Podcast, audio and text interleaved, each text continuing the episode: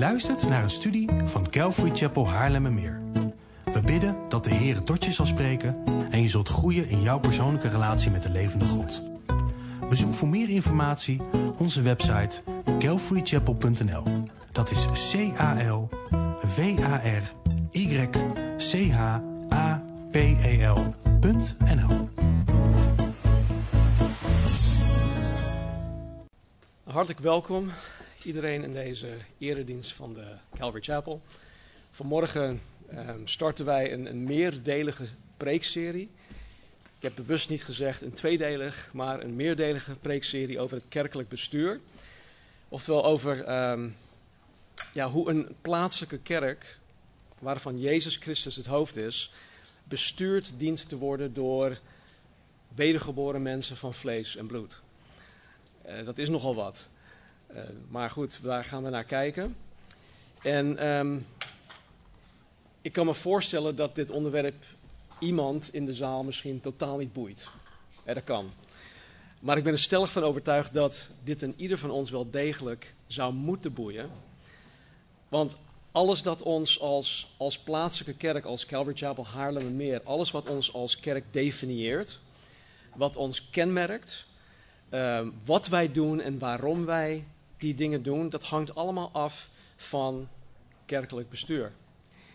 En al deze zaken gaan niet alleen mij aan, al deze zaken gaan ook jou en u aan. Dus vandaar dat ik ervan overtuigd ben dat het jullie wel degelijk moet of zou moeten boeien. Um, bovendien is de liefde van Jezus Christus voor zijn gemeente en dan ook nog zijn persoonlijke liefde voor jou en mij. Uh, dat is zijn motivatie om ons het kerkelijk bestuur te hebben gegeven. Hij heeft ons niet als wezen achtergelaten. Hij heeft ons niet aan, aan ons lot overgelaten. En, en hij wil dat um, dingen goed lopen, dat dingen, dat dingen goed draaien.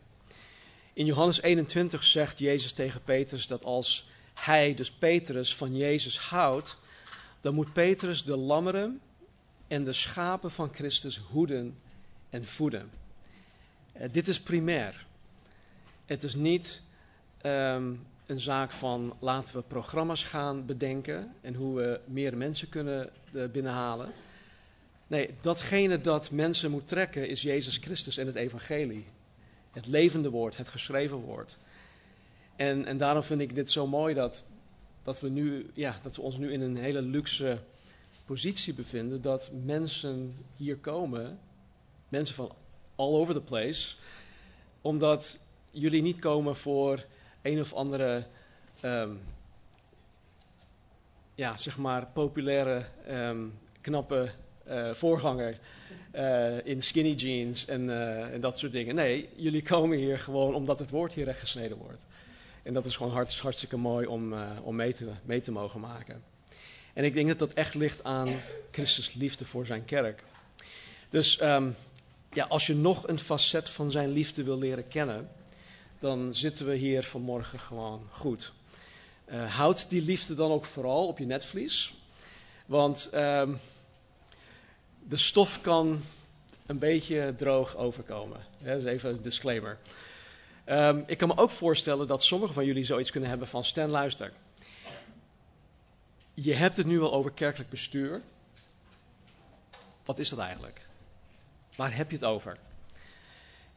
Ik kom al jarenlang in de gemeente. Ik weet gewoon dat de voorganger, dat ouderlingen de leiding hebben. Maar ik heb er verder nooit echt over nagedacht. Het is gewoon zo. Dus, ja, dus waarom moeten we het hier per se over hebben? Nou, dat is prima. Want dan want daarom zitten we eigenlijk hier. We zitten hier om de schrift met elkaar te openen, om er samen over na te denken. Sommigen van jullie hebben vanuit jullie verleden vast wel een bepaalde opvatting over kerkbestuur, over kerkleiding. Sommigen van jullie hebben een ervaring met kerkbestuur en met kerkleiding. En dit kan zowel goed zijn als ook wat minder goed. Of zelfs slecht. En dat kan. We hebben allemaal een verleden. Althans, degene die van een andere kerk hier naartoe zijn gekomen. En ook, weet je, dit is ook prima. Want ook om deze reden zitten wij hier, om de schrift met elkaar te openen, om er samen over na te denken. En vooral nu de gemeente getalsmatig aan het groeien is, nemen, en dit bedoel ik echt niet verkeerd hoor, maar nemen jullie die er onlangs bijgekomen zijn, dit jaar dan, vanuit jullie achtergrond, vanuit jullie ervaring, een bepaald beeld van kerkbestuur met jullie mee. En ook dat is prima. En dit is dan ook een van de redenen waarom wij de Bijbel gaan openen, om hier naar te gaan kijken. Want eh, ik, ik ben ervan overtuigd dat het van levensbelang is voor de gemeente dat wij hierin vanuit de schrift onderwezen zijn.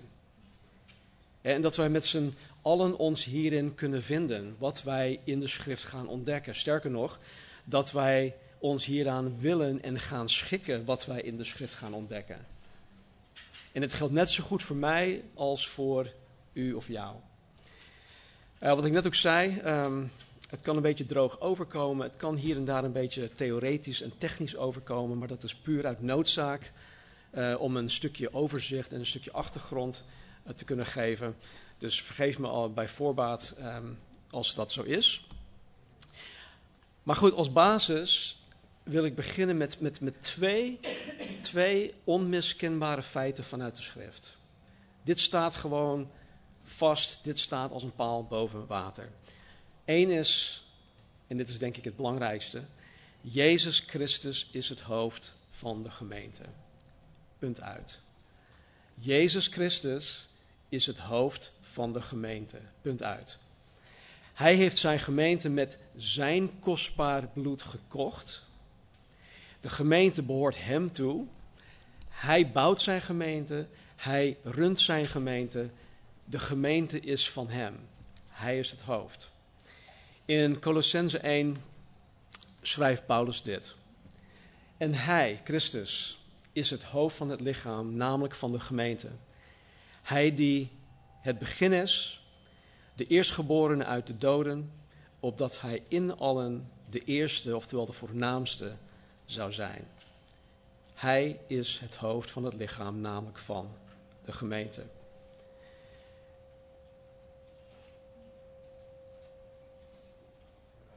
Oké. Okay.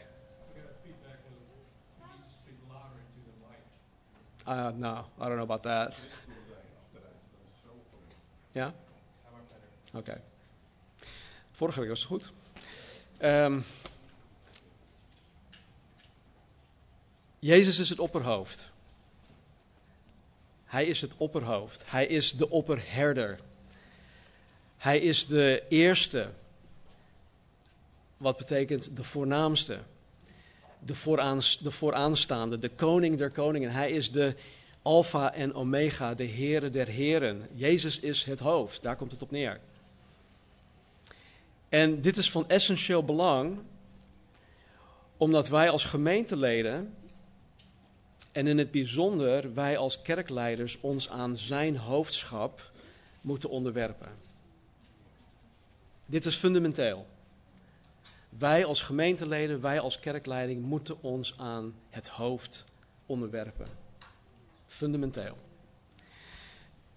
Er is namelijk een stroming die zich christelijk noemt, die dit niet gelooft, die dit niet naleeft.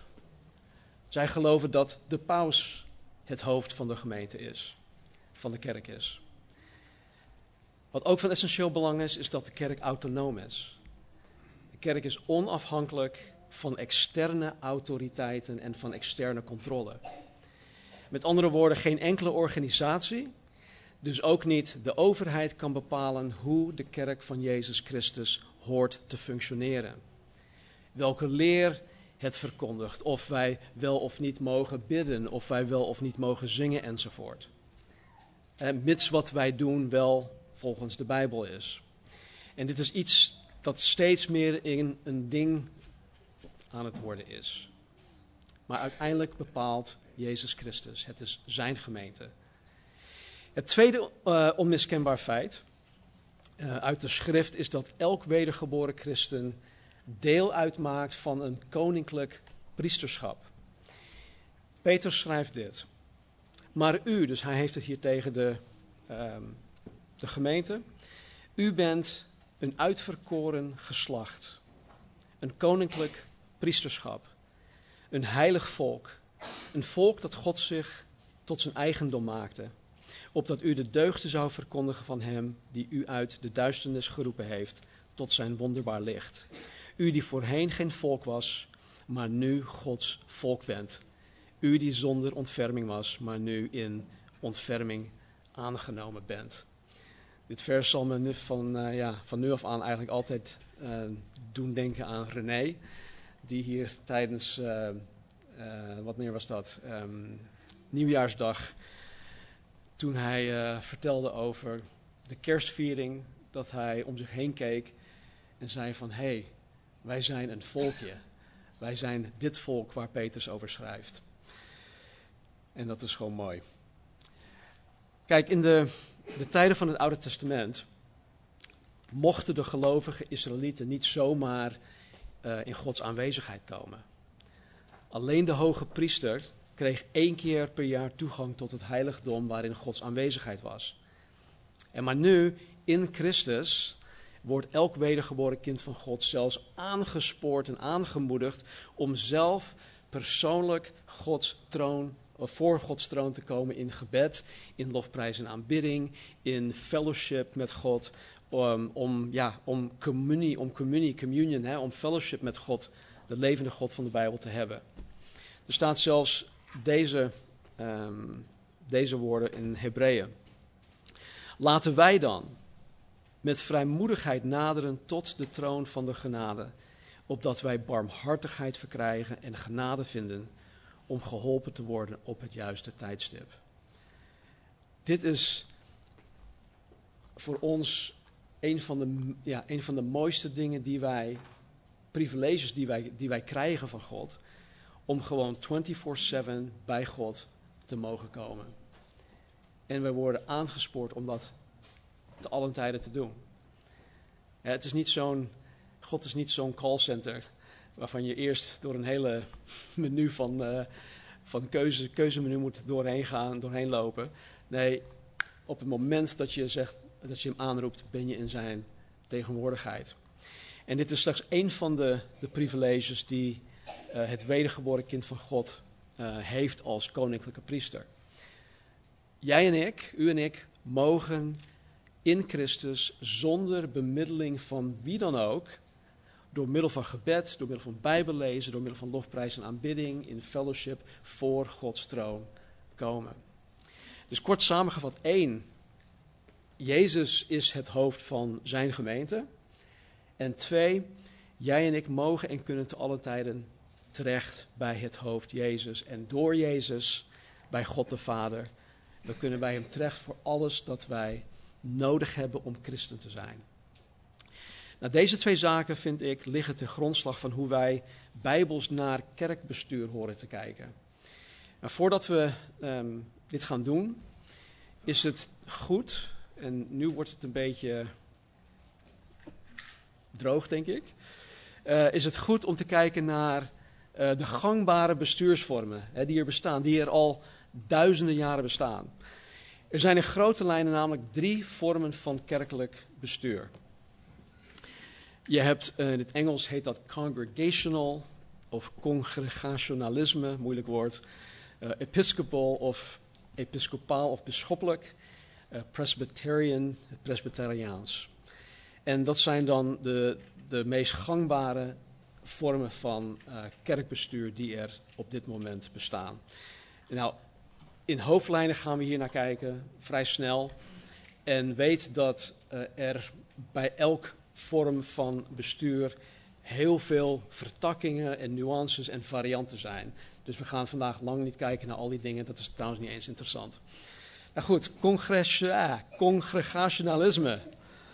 Um, dat houdt in grote lijnen in dat het leiden van, en, het reilen en zeilen van de kerk wordt toevertrouwd aan de meerderheid van de kerkleden. Ja, dus de leiderschap en het reilen en zeilen van de kerk wordt toevertrouwd aan de meerderheid van de kerkleden. Het is, meer een, een, het is een meer democratisch model dan de andere twee die we zo meteen gaan bekijken. Wanneer er bijvoorbeeld een beslissing genomen moet worden ten aanzien van bijvoorbeeld de keuze om een groter gebouw te gaan betrekken, of om meerdere diensten te gaan houden waar eigenlijk wij nu momenteel in zitten, dan gelden de meeste stemmen. elk lid van de gemeente heeft een stem die kan stemmen en dan gelden de meeste stemmen. Ook waar het gaat om het aanstellen van leiders, gelden de meeste stemmen. In zo'n geval uh, komt in mijn optiek Gods roeping om voorganger of ouderling te zijn, vroeg of laat, vroeg of laat mogelijk in gedrang. Ja, want als de meerderheid de voorganger of ouderling niet ziet zitten, dan stemmen ze hem de deur uit. En ik heb dit eigenlijk, ja, ik heb dit persoonlijk zien gebeuren bij een, uh, een, een, een bijbelvaste en trouwe collega, een uh, collega-voorganger, waarmee ik uh, om de twee maanden ook samenkom. En, en dit heeft gewoon heel veel kapot gemaakt. Het was voor niemand was dit goed. Het heeft zoveel pijn veroorzaakt. Ik geloof dat hij door God geroepen is, deze man. Ik ga hem morgen trouwens weer zien. Uh, ik geloof dat hij door God geroepen is om een voorganger, een ouderling te zijn uh, van een plaatselijke gemeente. Maar de meerderheid van de kerk door wie hij is uitgezet, vond dat niet relevant. Zij wilden een andere weg inslaan, met name iets meer laagdrempelig, iets, meer, iets minder uh, bijbel. Bijbel. Dus dat. Nou, in, deze vorm, in deze vorm is de voorganger eigenlijk gewoon een huurling. Want de mensen, de democratie bepaalt, nou we willen die en we willen die, we stemmen voor die en die. Ik begrijp dat er mensen zijn dat deze vorm fijn zouden kunnen vinden, want men krijgt het idee dat hij een stem in het geheel heeft. En maar zoals bij elk democratisch model zijn er toch altijd winnaars en verliezers.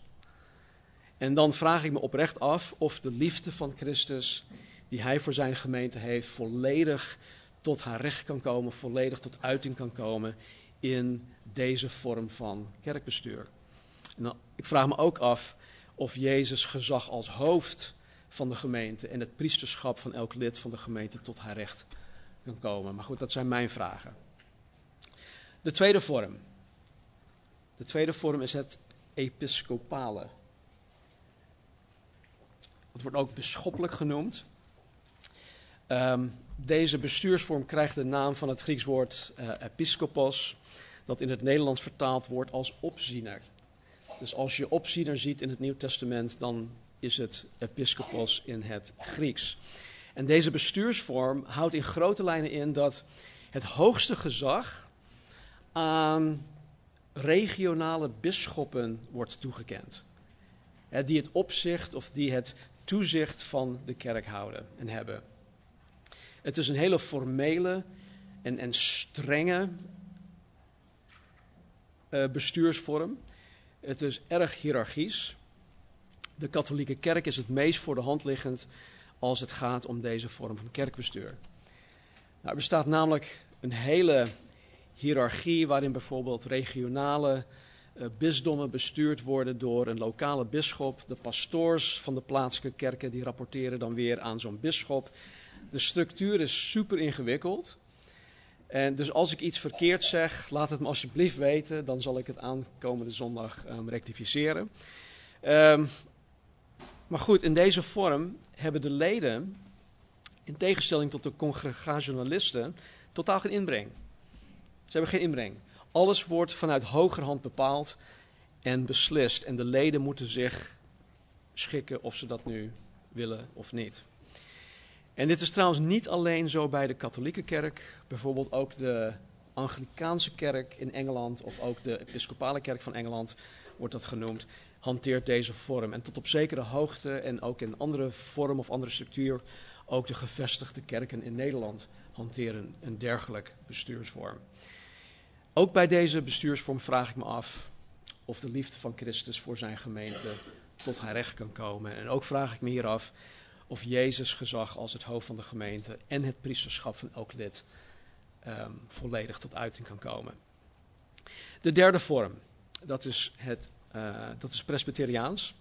Deze bestuursvorm krijgt de naam van het Grieks woord uh, dat in het Nederlands vertaald wordt als ouderling. Dat wordt ouderling genoemd, of in sommige vertalingen oudste. Deze bestuursvorm houdt in grote lijnen in dat uh, de leiderschap van de plaatselijke gemeente wordt toevertrouwd aan een groep mannen die dan de ouderlingen van de gemeente zijn. En uh, ik weet in deze tijd, um, de tijd waarin wij leven, kunnen bij andere kerken ook vrouwen ouderlingen zijn. Deze vorm gaat uit van iets dat een, uh, een duur woord, een pluraliteit van ouderlingen genoemd wordt. Wat simpelweg betekent dat er meer dan één ouderling in die groep um, is. Een, meer dan één ouderling de, leiding over de kerk heeft. En dat alle ouderlingen in, dat, in die groep gewoon gelijken zijn. Hier is sprake van een team, een team van ouderlingen, die gezamenlijk de leiding en de zorg van de plaatselijke gemeente uh, op zich nemen.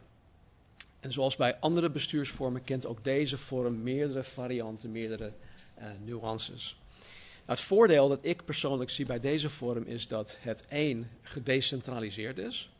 Het leiden van de plaatselijke kerk wordt gedaan door mannen van de desbetreffende kerk, dus intern, zonder dat dingen vanuit hogerhand bepaald worden of opgelegd of afgedwongen worden. Want dat is bij andere vormen wel zo. Twee is, uh, het tweede voordeel is dat de gecombineerde wijsheid en raad van een groep ouderlingen kan ervoor zorgen dat besluiten die genomen worden niet één persoon of niet de meerderheid van de kerk alleen dienen. als je één dominant persoon hebt, dan, dan, dan heeft die persoon eigenlijk alles voor het zeggen. En in een groep van ouderlingen die gelijken zijn, is, dat, heb, is de kans veel kleiner dat dat, um, dat dat gebeurt. Ook denk ik dat bij deze bestuursvorm Jezus gezag als hoofd van de gemeente uh, en het priesterschap van elk lid van de gemeente het beste van de drie tot uiting zou kunnen komen. Nou, misschien lijkt mijn beknopte beschrijving, uh, mijn conclusies uh, kort door de bocht. Mijn intentie vanmorgen is niet om de drie vormen uit te gaan diepen, maar om simpelweg aan te geven dat er meerdere bestuursvormen zijn en hoe zij er globaal uit zouden kunnen zien. Ik ben er volkomen van bewust dat er binnen de, uh, de drie vormen varianten en nuances zijn, maar het uitdiepen daarvan is voor deze, uh, deze preekserie niet relevant. Nou, misschien vraag je je af waarom er überhaupt zoveel bestuursvormen zijn. Net als de vraag van waarom zijn er zoveel stromingen, waarom zijn er zoveel denominaties? Precies hetzelfde, waarom zijn er zoveel bestuursvormen? Persoonlijk denk ik dat dat komt omdat de Bijbel niet expliciet aangeeft welke vorm de gemeente per se moet hanteren. Er staat niet een, een, een plan van, oké, zus en zo moet je het per se doen. Die plannen zijn er wel, maar die zijn om mensen geschreven. En dat is, in mijn optiek is dat mensenwerk. Maar de Bijbel zelf geeft niet een dergelijk instructie van het moet per se zus of het moet per se zo. En dat maakt het nogal lastig. De uitdaging is dan om vanuit de hele schrift, de gehele schrift, dus de gehele Bijbel, van begin tot eind, het Oude Testament en het Nieuw Testament, om, om te gaan ontdekken wat Jezus dan voor ogen heeft voor zijn gemeente. En dan met name in ons geval voor zijn plaatselijke gemeente en dan hier de Calvary Chapel.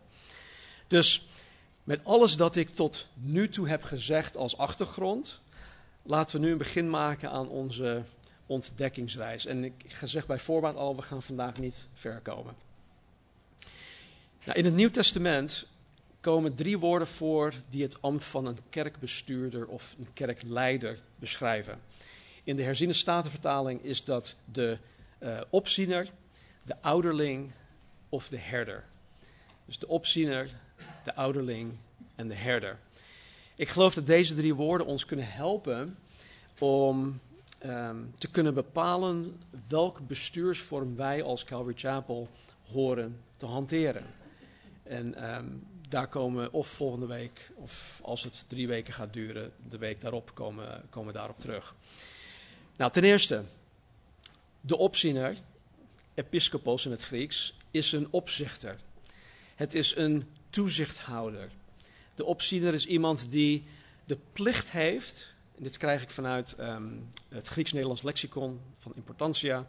Het is iemand die de plicht heeft erop toe te zien dat wat door anderen gedaan wordt, op de juiste wijze geschiet.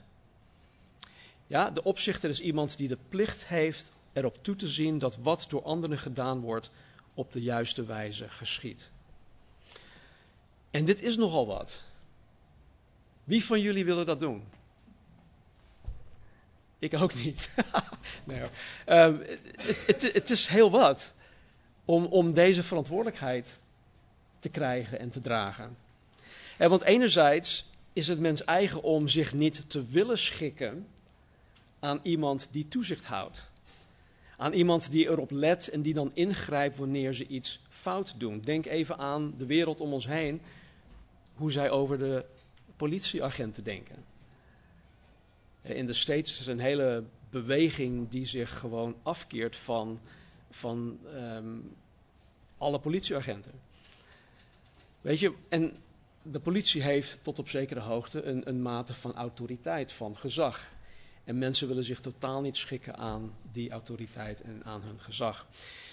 De gevallen mens, laat voor alle duidelijkheid, de gevallen mens wil dit absoluut niet.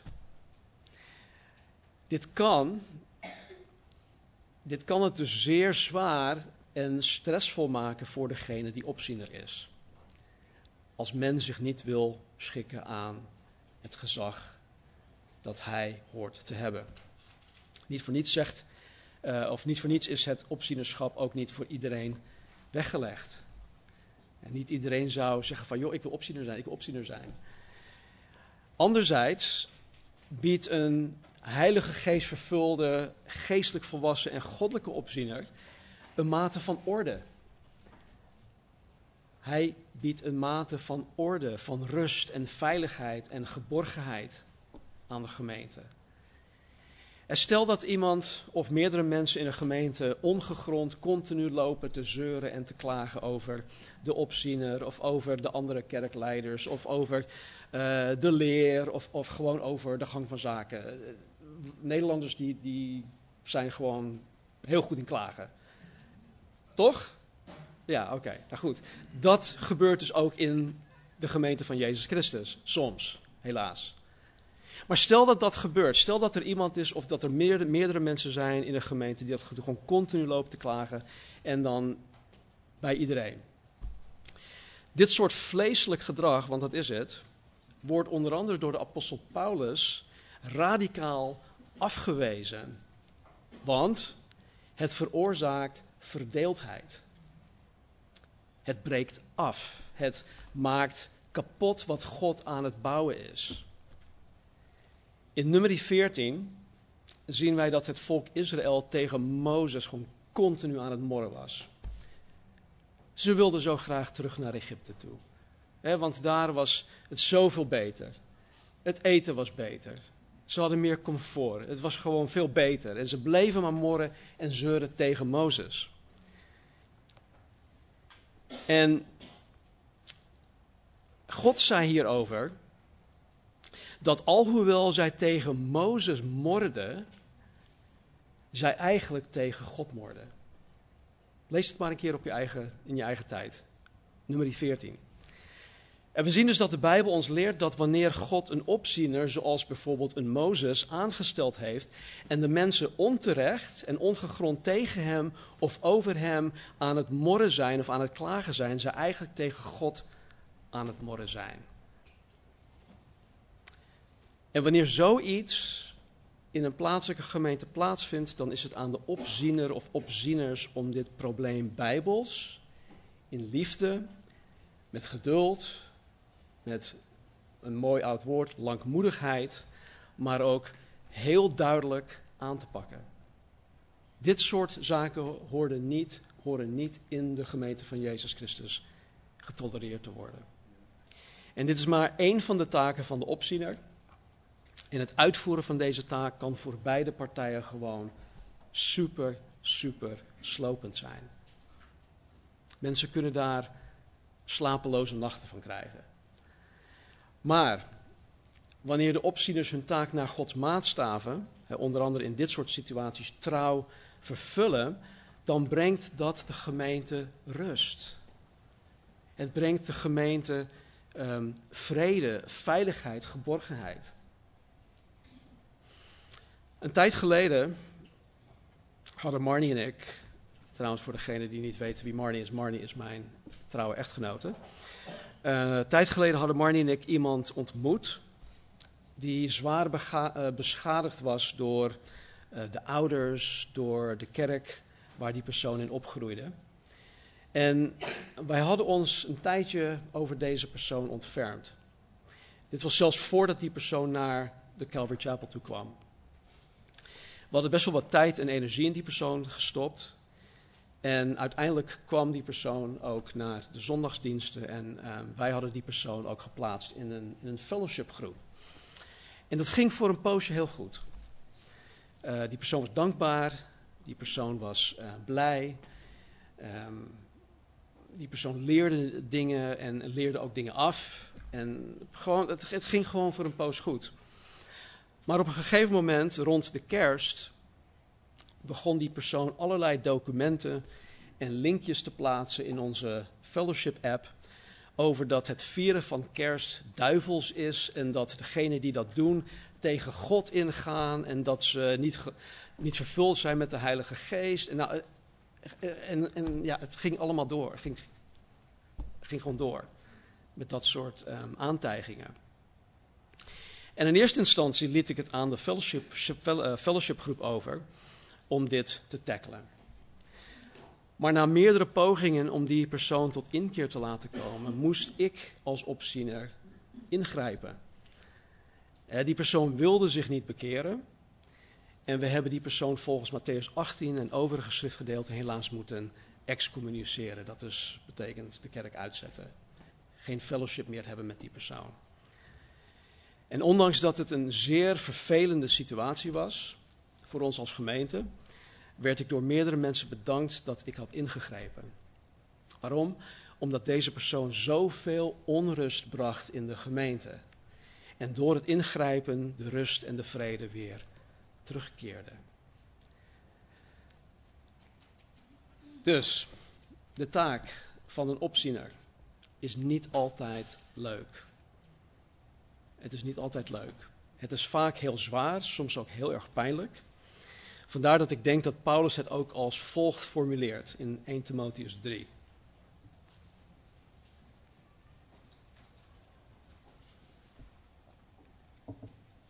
Hij zegt: Dit is een betrouwbaar woord. Als iemand verlangen heeft naar het ambt van opziener, begeert hij een voortreffelijk werk. Dit is een betrouwbaar woord. Als iemand verlangen heeft naar het ambt van opziener, begeert hij een voortreffelijk werk. Het verlangen hebben naar het ambt, het ambt van een opziener, is, dat verlangen is dat je je volledig uitstrekt naar het ambt. Dat je je hart er volledig erop hebt gezet om een opziener te zijn, koste wat kost. Met andere woorden, je wil en je kunt niets anders in het leven doen dan alleen dat. Charles Spurgeon zei ooit eens dat als een man iets anders zou kunnen doen, laat hem dat vooral gaan doen. En met andere woorden, als iemand genoegen kan nemen met een beroep of met een carrière, dan is hij hoogstwaarschijnlijk niet geschikt voor het ambt van een opziener. Het opzienerschap is een voortreffelijk werk. Het is werk. Het is werk. Het is grotendeels hard werken. Het, het is lange dagen maken. Het is jezelf en je eigen verlangens en gemakken verlogenen. Het is iets waar je continu mee bezig bent. Je staat ermee op, je gaat ermee naar bed. Het kost je veel. Ook je vrouw en gezin kost het veel. Het beheerst je hele leven. En gezien deze commitment en de moeilijkheden die ermee gemoeid gaan, is het niet iets waar men lichtelijk over na mag denken. Het is zeker geen beroepskeus. ik hoor vaak genoeg van mensen, ja, ik ga theologie eh, studeren en dan word ik dominee. Heb je daar wel eens goed over nagedacht? Kijk, ik wil niet zeggen dat iedereen die dat doet fout zit, maar er zijn toch mensen die gewoon denken, ja, nou, het is gewoon beroepskeuze. Zoals de een leraar wil worden, zoals de andere dokter, zoals de andere, noem maar, noem maar op. Ik kies voor dat beroep. Maar weet je, opziener zijn is, opzienerschap is geen beroep. Want als het een beroep was, dan zou je een beroepsverandering kunnen maken op een gegeven moment. Maar ik geloof dat het opzienerschap een levensroeping is. Het is tot op je laatste adem aan toe dat je opziener bent. Ik geloof dat Jezus uit zijn liefde voor zijn gemeente het ambt van opziener heeft gegeven om de gemeente orde te geven. Om veiligheid te geven, om geborgenheid te geven, om rust te geven enzovoort, vrede. Want kijk, waar we, wat we vanmorgen ook, ook zongen, waar we continu aan herinnerd moeten worden, want we zijn vergeetachtig, is dat Jezus van jou houdt. Jezus houdt van jou. Hij houdt van elk lid van zijn gemeente en hij wil dat de gemeente en gemeenschap, uh, of een gemeenschap is waarin Gods wedergeboren kinderen zullen floreren. Dat zij uh, in die gemeenschap voor eeuwig vrucht zullen gaan blijven dragen. Dat mensen tot hun, hun ultieme geestelijke potentie gaan komen, wat God voor hen voor ogen heeft. En dit gaat natuurlijk met vallen en opstaan. Vandaar dat de gemeenschap juist die veiligheid en geborgenheid moet behouden, bewaren, daarover bewaken. Want alleen dan zullen de leden zich thuis en ook op hun gemak voelen, zodat ze niet bang hoeven te zijn uh, om geloofstappen te gaan zetten en om eventueel fouten te mogen maken. Ik denk dat het, het, een van de moeilijkste dingen die bij het uh, zetten van een geloofstap hoort, is de mogelijkheid dat je gaat falen. Je weet het niet zeker of God echt tot je gesproken heeft. Je weet niet zeker of je echt die geloofstap moet gaan zetten. En wat doe je dan? Nou, je kiest voor de veilige weg. Ik doe het niet. En waarom doe je dat dan niet? Ja, wat zal die en die wel niet van mij denken? Of wat als ik op mijn plaat ga, wat voor schade zou dat eventueel veroorzaken voor mensen om me heen? Weet je, er zijn allerlei redenen om dat niet te doen. Maar de gemeenschap van Jezus Christus is juist, juist de plek waar wij dit soort dingen mogen doen en eigenlijk moeten doen. Dit is de plek waar dat toegestaan is.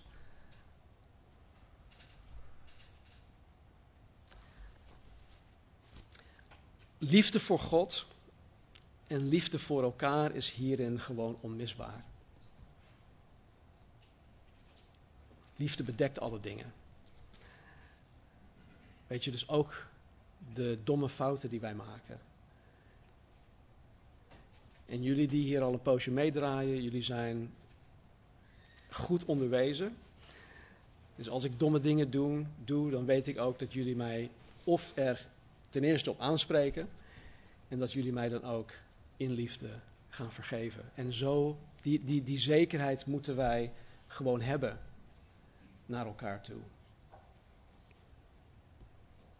Liefde voor God en voor elkaar is onmisbaar. Nou, ik weet dat dit niet in volmaaktheid gedaan kan worden of wordt. met elkaar zo omgaan.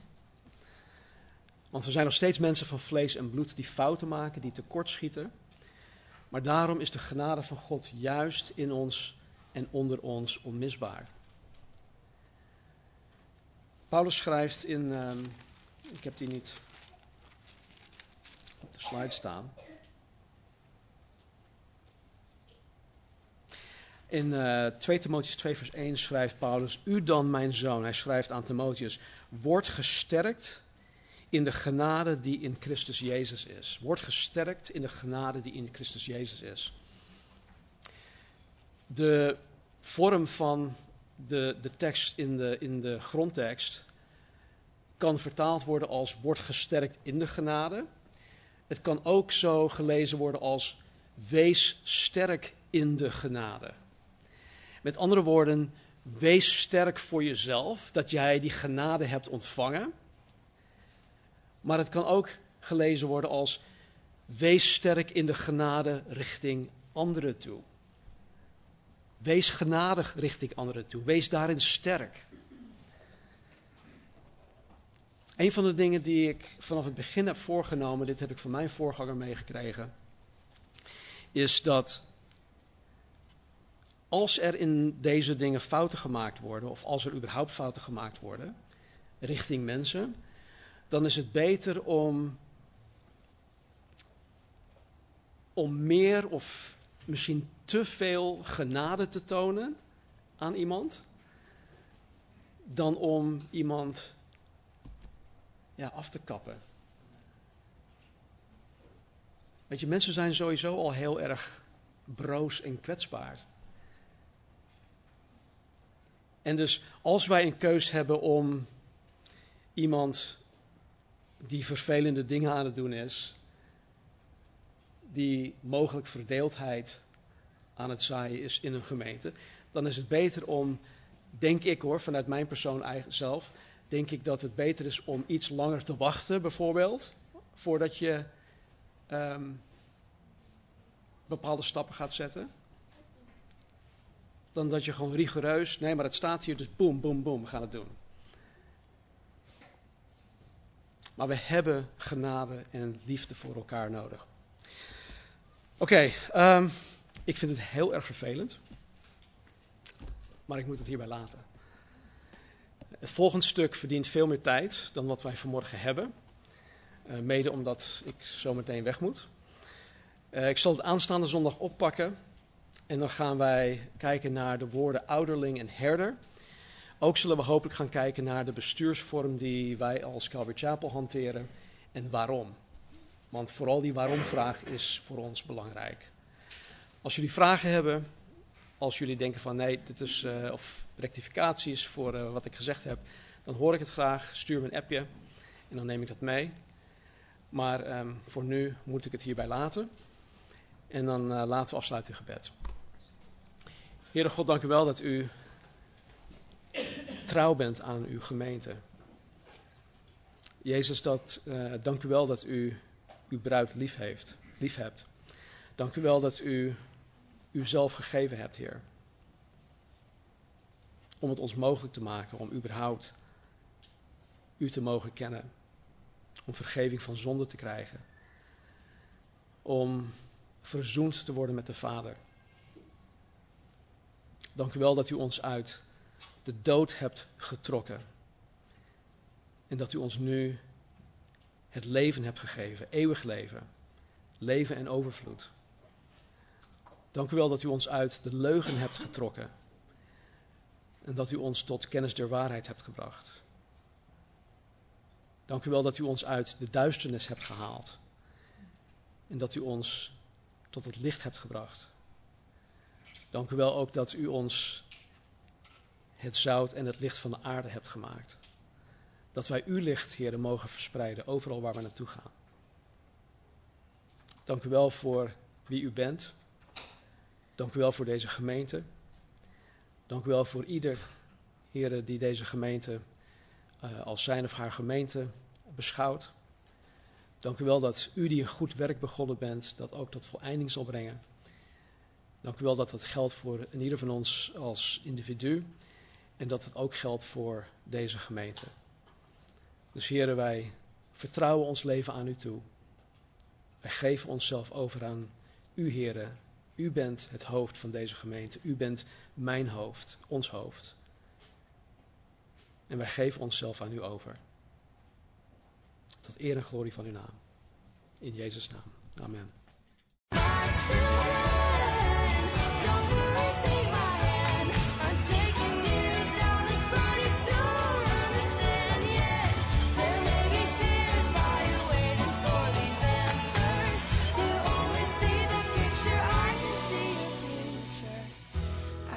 tell you right now, it's gonna be alright.